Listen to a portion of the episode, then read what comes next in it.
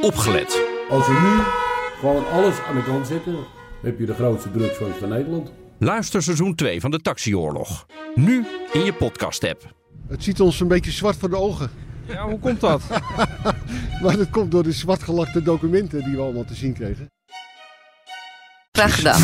Postma in Amerika.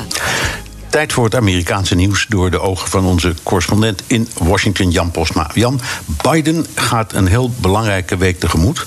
Maar hij heeft nog niet alle neuzen dezelfde kant op. En dus nodigt de Democraten uit in het Witte Huis.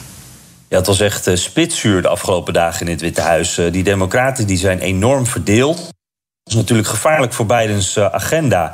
Uh, Pelosi, uh, leider in het Huis van Afgevaardigden, die heeft beloofd dat, dat heeft ze beloofd aan de wat meer gematigde Democraten, dat er in het Huis van Afgevaardigden gestemd gaat worden over die infrastructuurplannen. Dat zou zelfs maandag al moeten gebeuren, dus best snel. Maar de progressieve vleugel van de Democratische Partij, die willen daar niet voor stemmen voordat dat veel grotere pakket van, van 3500 miljard dollar erdoor is, waar al die sociale plannen in staan, hè, die de kinderopvang zorgmaatregelen, dat soort dingen. En uh, het probleem is dat dat grote pakket uh, dat dat nog lang niet klaar is voor stemming uh, voor, voor maandag. Dus dat, dat, zou, dat lijkt een beetje te botsen. Daarom waren er drie groepen op bezoek in het Witte Huis, allemaal gescheiden. De leiding, dus Pelosi en Schumer, de progressieve en de gematigde. En het Witte Huis probeert die allemaal snel op één lijn te krijgen, zodat Biden ja, zijn binnenlandse agenda, dat die niet in het water valt. Maar daar is best wel wat kritiek op. Want waarom doet het Witte Huis dat eigenlijk nu pas? Waarom niet eerder?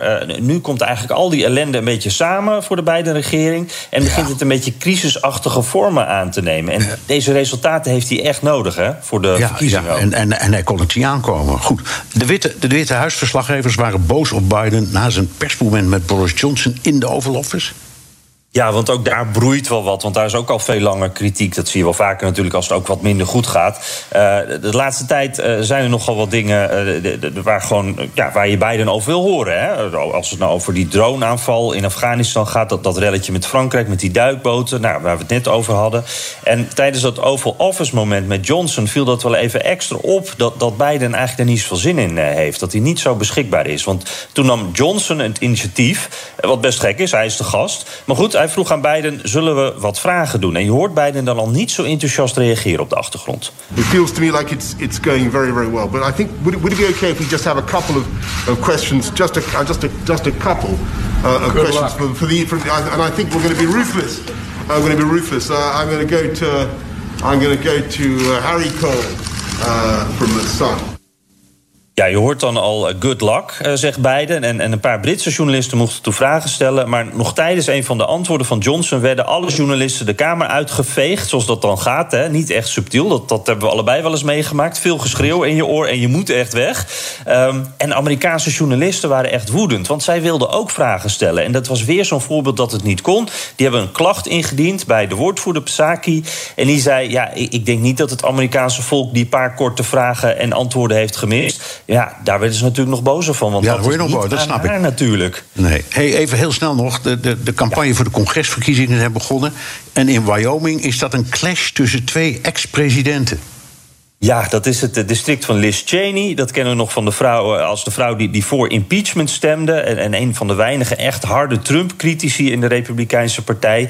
Uh, en blijft dat ook, want veel kiezen eieren voor hun geld inmiddels. En natuurlijk ook de dochter van Dick Cheney, de vicepresident onder George W. Bush. En uh, die gaat zich nu inzetten voor Cheney in haar campagne.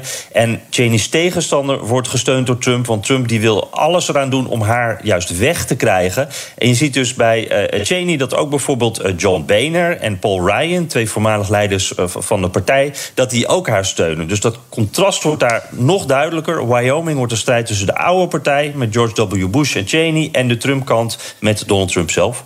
Dankjewel, Jan Postma, correspondent in Washington. Wilt u meer horen over dat fascinerende land? Luister dan naar de Amerika-podcast van Jan en mij. En tot zover BNR De Wereld. Terugluisteren kan via de site, de app Spotify of Apple Podcast. Reageren kan via een mailtje naar dewereld.bnr.nl. Tot de volgende week.